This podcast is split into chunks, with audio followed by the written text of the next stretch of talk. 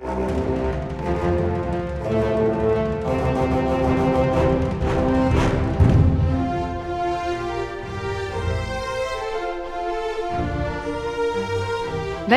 til Frankrike forklart, en podkast der du får svar på alt du lurer på om Frankrike. Mitt navn er Kjersti Naukrust. Og jeg heter Frank Urban. I dagens Frankrike forklart skal vi prøve å forklare hvordan presidentvalget i Frankrike faktisk fungerer. Som de fleste lyttere nok har fått med seg, nærmer valget seg med, stor, med stormskritt. 10. og 24. april uh, går franskmennene til urnene for å bestemme hvem som skal styre landet i de kommende fem årene. Men hvorfor er det egentlig to valgomganger? Kan hvem som helst bli president i Frankrike? Hvor mye makt har den franske presidenten, og hvor viktig er dette valget? Dette er spørsmål Kjerstin og jeg skal diskutere i dag. Det er det. Vi har ikke med oss eh, noen gjest, eh, men vi klarer oss fint. Vi er kompetente. Vi, vi føler oss kompetente nok. Frank, jeg tenker at vi bør starte med det viktigste, altså den franske grunnloven, la constitution, som jo danner grunnlaget for alt som har med det politiske og de politiske institusjonene i Frankrike. Det gjelder også presidentens rolle, som defineres av, eh, av Grunnloven, og presidentvalget. Bare for å ta en liten eh, påminnelse til lytterne, så befinner vi oss da siden 1958 i det som kalles Den femte republikk, La cinquième republikk. Og det er slik at hver gang Frankrike bytter grunnlov, så innføres det en ny republikk, og nå er det altså den femte i rekken. Og det var jo Charles de Gaulle, som vi har vært inne på i en tidligere episode, som var hjernen bak den nye grunnloven. Frank, kan du si litt om hvilken rolle presidenten har i Den femte republikk i forhold til eh, de tidligere republikkene, fortrinnsvis fjerde og kanskje også tredje? Jeg tror det handler veldig mye om maktfordeling mellom, eh, mellom presidenten og kamrene. Eh, og det som ligger i grunnen, er Uh, hvis man skal skjønne det, så må man tilbake til 1848 og den, og den første, første, gangen Frankrike fikk en president. Og Den presidenten ble valgt av folket, og det var Louis Napoleon Bonaparte. Uh, og det gikk såpass bra med han at han uh, kuppet makten uh, i 1852 og, og, og, og, ble keiser. Så etter den episoden så fryktet mange at eh, presidenten i Frankrike skulle få for mye makt. Så man prøver å, å balansere makten til presidenten eh, med å øke makten til kamrene. Eh, og da snakker du om kammerne kamrene i parlamentet, eh, nasjonalforsamling og senatet. Ja, mm. sånn, det var litt i navn, altså, men, men, men, det er i hvert fall de to kamrene. Eh, så Eh, I, eh, den, under den tredje og fjerde republikk eh, så fikk du et system hvor, hvor presidenten hadde mindre makt, og hvor kamrene hadde mer makt. Eh, kritikerne hevdet at eh, dette var et for parlamentarisk system, et system som var dominert av politiske partier. Og det ville Charles de Gaulle i 1958 gjøre noe med. Så han gjeninnførte et system som plasserte presidenten på toppen av hierarkiet, og hvor kammerne er underlagt på en måte presidentens makt. Så jeg tolker det som et forsøk på å komme tilbake til det som var på en måte grunntanken, samtidig som, uh, som uh, de Gaulle var skeptiske til politiske partier og den politiske ustabiliteten som var under Den fjerde republikk, og ville gi presidenten mer makt, og det er det systemet vi har per dags dato. Så det er altså en sterk presidentmakt. Men hva innebærer det i praksis? Hvilke makter, for å bruke et sånt ord, er det presidenten har? Uh, kanskje vi kunne si at det som er veldig forskjellig fra tidligere, er jo at uh, hans legitimitet, først og fremst, den, han henter den fra to, to, steder, fra to ting. For det første så er han valgt av folket. I, i, altså, I, motsetning til tidligere praksis så velges Frank, altså Frankrikes president av, av det franske folket. Så det er det første. Hans legitimitet kommer fra folket. Og det andre er jo at han kan henvende seg direkte til folket gjennom folkeavstemning. Det fantes heller ikke før. Så han har en dobbel legitimitet som går liksom top down og bottom up, ved at han velges av folket, og, og at han kan hoppe over på en måte de to kamrene ved å henvende seg direkte til, til folket. Så det er på en måte hans legitimitet. Og så har han øh, makter øh, som han besitte alene, eller som man deler med eh, regjeringen og, og, statsministeren. For Frankrike er ikke et presidentsystem som i USA, f.eks., men den kombinasjonen av president eh, og regjering, dvs. Si regjering, eh, ministrene og statsministeren. Når det gjelder hans egne makter, så har han makt til å utnevne statsministeren, f.eks. Han kan Det er artikkel 8, og så artikkel 11 så kan han bestemme at man skal ha en folkeavstemning. Så han bestemmer temaet på folkeavstemningen, så legger han fram et forslag foran folket. Og så kan han oppløse nasjonalforsamlingen, og det er artikkel 12. Han kan innføre Uh, unntakstilstand, det, det, er artikkel 16. Uh, hvis uh, det skulle bli et trussel mot landet, f.eks. Uh, han har også retten til å utnevne tre medlemmer i, i, i Forfatningsrådet, Conseil Constitutionnel. og så deler han en del andre makter med regjeringen og statsministeren. Eh, jeg tenker f.eks. på retten til å utnevne eh, ambassadører. Eh, det bestemmer han sammen med regjeringen og statsministeren. Er det andre ting Kjerstin ja, glemmer? Jeg tenker på også at den franske presidenten tradisjonelt også har en spesiell rolle i utenriks- og forsvarspolitikken. Utenrikspolitikken som kalles le domaine réservé. Selvfølgelig har man en utenriksminister, men det er, det er presidenten som forhandler på vegne av, av Frankrike Frankrike, som signerer eh, traktater osv. Så. Eh, så det er også en, eh, en viktig del av det.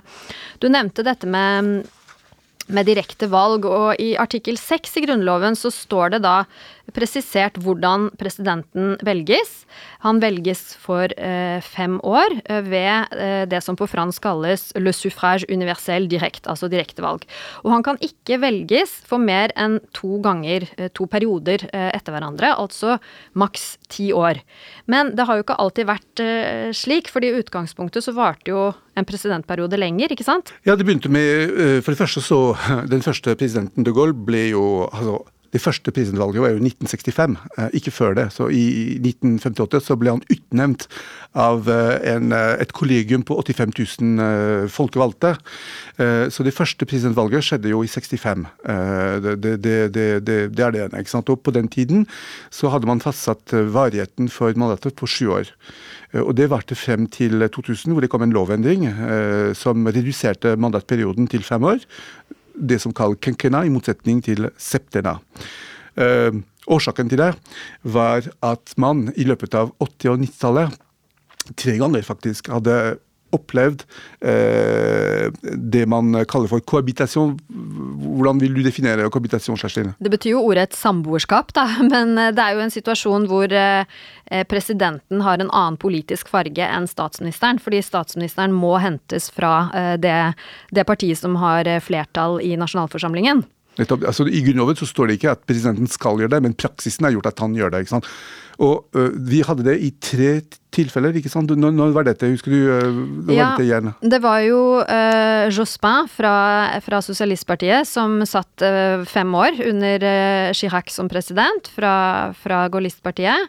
Og så var det jo Chirac som selv var statsminister under Mitterrand, da han sosialist, den sosialistregjeringen. Og så var det Balladur også, som er fra Høyre, som også satt under under en, eh, en, eh, en rød eh, president. Ja, ikke sant, så fra to 2-2-5. Mm. To år, to år, fem år. Og jeg tror det første konsekvensen var jo at det blir vanskelig for velgerne å, skjønne virkelig forskjellen mellom hva som er høyrepolitikk og venstrepolitikk, for de samarbeidet i praksis. Eh, og det slo, det, det slo ut i, i velgeoppslutning, valgdeltakelse, så det hadde masse, masse, eh, negative ringvirkninger. Og det førte til at man i 2000, under eh, var, Jeg tror det var statsminister Jospin som tok initiativ til det, og tvang litt grann president Chirac til det. Så bestemte man, å Man bestemte to ting. Det ene var å redusere mandatperioden til fem år. Og det andre er jo å, å, å, å rokke om på kalenderen, på valgkalenderen, slik at uh, fra da av, eller fra presidentvalget i 2002, så kom uh, parlamentsvalget rett etter uh, presidentvalget. Og slik er det fortsatt. Sånn at eh, tanken er jo at presidenten skal surfe på en slags medgangsbølge som gir han eh, eller hun eh, flertall i nasjonalforsamling eh, i det kommende, altså i valget som finner sted noen uker etter presidentvalget. Og det har virket, men i teori mm. så kan det fortsatt skje. Det kan fortsatt skje. Eh, cohabitation er, er, ikke nødvendigvis historie, selv om, eh, selv om det blir vanskeligere. Så eh, til selve valgordningen. Fordi presidentvalget det avholdes ved det som på fransk kalles le scrutin majoritaire uninominal à deux tours. Puh, den, den, er, er den, er, lang. Eh, bare for å, for å, eh, bygge det litt fra hverandre. At valget er uninominal, det betyr rett og slett at man kun kan velge én person. Uni betyr jo én. Majoritaire, det innebærer at en kandidat må ha absolutt flertall for å bli valgt, altså over 50% av stemmene. Og dette med adutour, det innebærer jo at uh, valget foregår i to runder eller to omganger. Så det er slik at hvis ingen av kandidatene får uh, dette absolutte flertallet i første valgomgang, så holdes en ny valgomgang to uker senere, der uh, bare de to fremste kandidatene fra første omgang deltar. Og det har hittil aldri skjedd da, under Den femte republikk at en kandidat har vunnet etter første valgomgang, så det vanlige, altså normen, er to valgomganger. Og begge disse valgomgangene har jo historisk sett hatt relativt stor oppslutning blant eh, franske velgere, stemmer ikke det? Det stemmer. Ehm, jeg har sett litt på tallene, faktisk, eh, når det gjelder oppslutning ved begge omganger. Altså første omgang og, og, og annen omgang. og vi, vi, skal ikke gå gjennom alle tall, men jeg har tatt på en måte best og lavest og høyest. Eh, og den høyeste eh, valgdeltakelse ved første omgang noensinne var i 1965 med 84,75% og den laveste var i 2002 med 71,60 Og ved annen omgang eh, så var den eh, høyeste i 1974 eh, med 87,33 og den laveste var jo i 2017 med 74,56% Så det har vært variasjoner. Tendensen, hvis man ser på de siste årene, er jo en relativ nedgang i valgdeltakelsen. Ja, og, og, det er jo en tendens man ser eh, over hele fjøla, fordi at eh, Frankrike er jo et land hvor det avholdes veldig mange valg, nesten hvert eneste år. Du har eh, selvfølgelig da presidentvalget og valget til nasjonalforsamling, som også kommer i år. Så har du valg til EU-parlamentet, du har kommunevalg, du har departementsvalg eller fylkesvalg, og du har regionsvalg, og du har eh, senatvalg. Altså det er, det er, enorme mengder valg, og det er eh, presidentvalget som mobiliserer flest velgere. Så det, det, sier jo litt om hvor viktig dette valget er for, eh, for franskmenn flest. Men allikevel så ser jeg nå at mange kommentatorer spår at det kan også i år være, eh, bli rekordlav eh, oppslutning. Og hva tror du, hva, hva slags konsekvenser kan det få? Hvem er disse potensielle hjemmesitterne, primært? Altså konsekvensen, eh, Først for å begynne med konsekvensen. Konsekvensen er jo at eh, de som Når du får en lav oppslutning ved et valg, så eh, styrker det på en måte flankene, ikke sant, fløyene.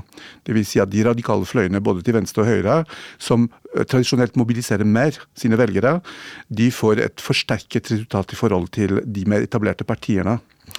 Uh, og så er det morsomt å se at uh, til og med partiet som før ble stemplet som radikale, som Nasjonal Front, uh, som er blitt i Nasjonal Samling, også opplever nå at valgdeltakelsen svikter når det gjelder deres, deres velgere. hva jeg tror i forhold til årets valg det, det, er vanskelig å si, for eh, det, det, den valgkampen kommer ikke i gang. Eh, det er et problem med å mobilisere velgerne i år, så jeg tror at valgdeltakelsen kan bli lavere enn det vi har sett før. Jeg gjentar at høyeste øh, øh, Hjemme, altså antall hjemsittere ved, ved annen omgang av et valg i, i Frankrike var 1969 med 31,15 Så, så man, kan, man kan oppleve faktisk at man nærmer seg det nivået igjen. Og det som er bekymringsverdig, er jo at det er eh, blant hjemmesitterne så er det en stor andel unge mennesker. Så det er de, de man veldig ofte mister, og det lover jo ikke godt for, eh, for kommende valg heller. ja, Vi snakket om Nasjonal, Nasjonal Front eller Zemmour-partiet. Eh, man vet også at det kan svikte også i arbeiderklassen. Det vil si at arbeidere kan også la være med å stemme mm. når de ikke føler seg mobilisert. Nå vet vi altså hvordan selve valget foregår, men det viktigste spørsmålet som vi alle stiller oss, det er jo hvem som faktisk blir president. Og det kan vi dessverre ikke svare på ennå, men vi kan si litt om hvem som kan stille til valg. Og det kan faktisk, i teorien, hvem som helst. Kravene for å stille til valg i Frankrike de er i utgangspunktet de samme som for å stemme. Man må være over 18, ha fransk statsborgerskap og være ved sine fulle fem, for å bruke et sånt uttrykk. Det er altså ikke noe krav om at man må være medlem av et parti, eller at man må ha et stort parti i ryggen, eller det er, til og med ikke noe krav om å være politiker i det hele tatt. Og da høres det jo relativt eh, lett ut, men fullt så enkelt er det ikke praksis, altså. Fordi det er et par hinder på veien. Eh, og den største av dem, det er nok det som kalles parinage på fransk. Eh, Frank, kan du forklare hva det er, og hvorfor det er så omdiskutert? Ja, eh, først en liten, eh, en, en liten, kommentar om det å ha et parti bak seg. Hvis, eh, det er litt interessant å si at Historisk sett så kunne man ikke vinne hvis man ikke tilhørte et parti og hadde et sterkt parti bak seg. Men Macron beviste at det er mulig. Han viste at det er mulig å vinne uten å ha et sterkt parti bak seg. Og i år så har vi flere kandidater, i hvert fall Zemmour, som nettopp har stiftet parti, har ingen folkevalgte eller et sterkt parti bak seg. Når det gjelder parinage, så er det slik at de kandidatene, de, For å kunne stille opp, så må du ha eh, 500 underskrifter fra folkevalgte ja, og, eh, i, i, Frankrike. Også, og ordet 'parrain' det betyr jo fadder, ikke sant? Så det er en slags politisk ja. fadder, på en måte. Ja. ja. Jeg tenkte, jeg får med en gang eh, assosiasjon med Padrino, altså med, med gudfaren. Ikke sant? Men det er, det, det, er ikke det. Uh, og uh, frem til 1976 så var det slik at man kunne ha uh, Man trengte bare 100 uh, parinage, altså 100 underskrifter fra folkevalgte. ikke sant? det ble endret til 500 for å unngå at litt merkelige kandidater kunne, kunne stille opp til valget. Så i dag så må alle kandidater ha 500 underskrifter underskrifter, og de må, uh, legge, altså de må, levere på en måte disse underskriftene til fristen. Og fristen i år er, hvis ikke jeg tar feil, 4. mars, ikke sant eh, Kjerstine? Ja, stemmer. 4. mars. Og um, 500 høres jo mye ut, men um, det er faktisk uh, 42 1000 folkevalgte å velge mellom. For her er det snakk om at man kan få signaturer fra eh, medlemmer av nasjonalforsamlingen eller senatet, eller en ordfører i en liten kommune et hundre, med et par hundre innbyggere. Så det er mange å ta av. Men allikevel så er det mange som sliter med å få eh, de nødvendige 500 underskriftene på plass. Eh, hvorfor det? Eh, fordi eh, bl.a. man endret systemet eh, i 2018. og Nå, det, nå må underskriftene være offentliggjort, og de, de oppdateres fortløpende. Så nå kan man se egentlig hvis din ordfører eller min ordfører f.eks. støtter den kandidaten, og hvis den kandidaten, hvis velgerne som valgte inn den ordføreren, ikke liker at ordføreren ga at det er ikke en støtte til en kandidat. Det er eh, en støtte til at alle kandidater som kan stille opp, kan stille opp. Mm. Så det er ikke en direkte politisk støtte, men det kan tolkes slik. Eh, og reformen fra 2018 den, den gjorde systemet mer kaotisk, fordi at eh, folkevalgte nå vegrer seg faktisk med å, med å støtte noen fordi de frykter for gjenvalg, f.eks. Ja, de frykter, frykter, selvfølgelig at de blir straffet av velgerne sine, men enkelte eh, frykter også at det kan komme represalier fra eh, moderpartiet. ikke sant? Sett at du er eh, ordfører for et gitt parti, men du ønsker å, å, å, å støtte kandidaturet til en fra et annet eh, mindre parti, eh, fordi du mener at det er demokratisk viktig at den personen kan stille til valg, så, så kan det få økonomiske konsekvenser. Eksempel da hvis du eh, Eller du kan til og med bli ekskludert fra moderpartiet hvis noen har så såpass strenge, strenge regler. Mm. Så dette har vært veldig, veldig um, veldig omdisk omdiskutert. En annen utfordring eh, for de ulike presidentkandidatene, det er finansieringen av selge valgkampen. Fordi, som alle vet, det er dyrt å drive valgkamp, og det er viktig å gjøre et godt valg for å kunne få tilbakebetalt deler av valgkamputgiftene fra staten. Fordi det er en regel i Frankrike om at eh, dersom en kandidat ikke får over 5% i første valgomgang, så ryker muligheten for å få eh, subsidiert eh, deler av, eh, av valgkamputgiftene. Eh, og så er det i tillegg ulike regler som kandidatene må forholde seg til. Blant annet finnes det et tydelig definert tak for hvor mye man har lov til å bruke på valgkampen. Og dersom man går over den summen, så kan det få juridiske konsekvenser. Noe en, en viss president, en viss tidligere president har erfart, ikke sant Frank? Absolutt. Kjerstin, hvis du har lyst til å stille opp som kandidat til presidentvalget i år, så kan jeg fortelle deg at ditt budsjett for første omgang er 16 millioner 850 1000 euro. Og at eh, budsjettet for annen omgang i år blir 22 509 000 euro. Så det er regulert, og i teori så kan du ikke gå over det taket. Men det har skjedd. Det har skjedd uh, ved flere anledninger. Det skjedde med, det skjedde med tidligere president Chirac uh, med presidentvalget i 95, uten at det kunne bli straffet eller bevist. Men det er en sterk, uh, sterk indisie som, som tyder på at han gikk over, over, taket. Og det skjedde i hvert fall med Sarkozy, president Sarkozy i, i valgkampen i 2012, i den saken, den berømte saken som heter Bygmallion-saken. Og for det så ble Sarkozy straffet. Eh, han fikk eh, ett års eh, ubetinget fengsel i 30.9.2021.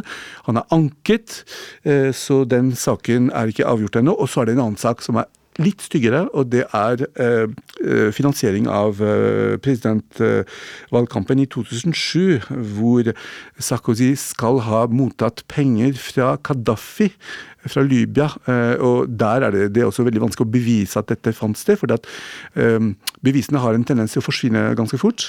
Men hvis dette blir bekreftet, så kan dette bli en, en statsskandale, faktisk. Ja, ja, herregud. Må, man, må jo, man, må jo, straffes hvis, hvis det er tilfellet. Et annet problem som, som, flere kandidater har hatt, er at det er eh, vanskelig å få lån i franske banker. Det var noe Marine Le Pen erfarte i 2017, og også i, nå i år, i 2022. I 2017 så måtte hun gå helt til Russland for å få, for å få et lån, fordi franske banker vegrer seg, eh, litt sånn som det du var inne på med Perinage, altså at det kan sverte eh, deres gode navn og rykte ved at de, ved at de støtter eh, Nasjonal Samling.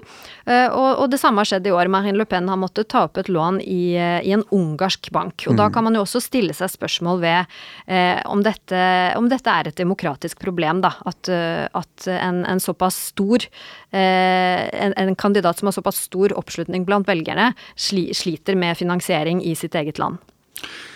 Ja, og, og, ikke minst i hvert fall når det gjelder forrige valg i 2017, og når du mottar penger fra russiske banker, russiske interesser, så, så, så sier det litt egentlig om hvordan et annet land får påvirkningsevne. Mm. Eh, så, så det, jeg er helt enig med deg, dette er litt skummelt, og det burde reguleres i større grad.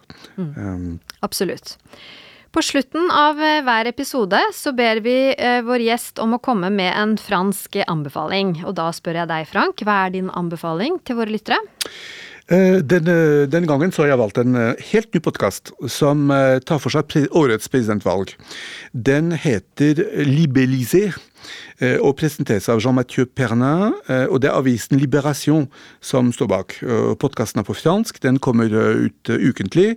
Og den aller første episoden fra 3. februar handlet om krigen på ytre høyre mellom National Front og Marine Le Pen på den ene siden, og gjenerobringen og Erik Zemmour på den andre, så Liberalisé. Gjenerobringen, altså det er den norske oversettelsen av Reconquête, som er navnet til det nystartede partiet til Erik Zimmour, som har utrolig mange medlemmer allerede, har jeg sett. Eh, nærmere 100 000. Absolutt, på veldig kort tid. Eh, og det som er interessant, er også denne Hvordan skal jeg kalle det partiet? For eh, den heter egentlig La Reconquête, ja. men, men, alle snakker om Reconquête. Men, men, hvis du knytter det opp til det, det historiske begrepet Reconquista, så må du ha artikkelen med. ikke sant? Men folk er uenige om hva som skal brukes. Mm. Kjerstin, har du også en liten anbefaling? Ja, jeg vil også gjerne anbefale en podkast, men en engelskspråklig en. BBC har en kjent historiepodkast som heter In Our Time, og den, eh, den podkasten har en rekke episoder som er knyttet til fransk historie, bl.a. om den franske revolusjonen, encyklopedien, Dreyfus-saken og andre temaer, som vi også har vært innom i denne podkasten tidligere. Det er alltid det ypperste innen eksperter i studio, og alltid underholdende og lærerikt å høre på. Kjempefint, men da gjenstår det bare å takke for oss. Eh, vi høres igjen i neste episode av Frankrike forklart. Au revoir. Frankrike forklart er et samarbeid mellom Universitetet i Oslo og Høgskolen i Østfold. Podkasten er støttet av Det norske universitetssenteret i Paris og Institut Français i Oslo, og har full redaksjonell frihet. Abonner på Frankrike forklart på iTunes, Spotify eller på andre plattformer der du lytter til podkast. Har du kommentarer til oss eller forslag til temaer vi bør ta opp, kan du sende inn det via vår Facebook-side Frankrike forklart. Alle dagens referanser ligger på denne Facebook-siden og på nettsiden vår vi skriver en kronikk i forbindelse med hver episode som belyser dagens tema fra en litt annen vinkel. Kronikken finner dere på forskning.no, Transitmagasin og på nettsiden vår.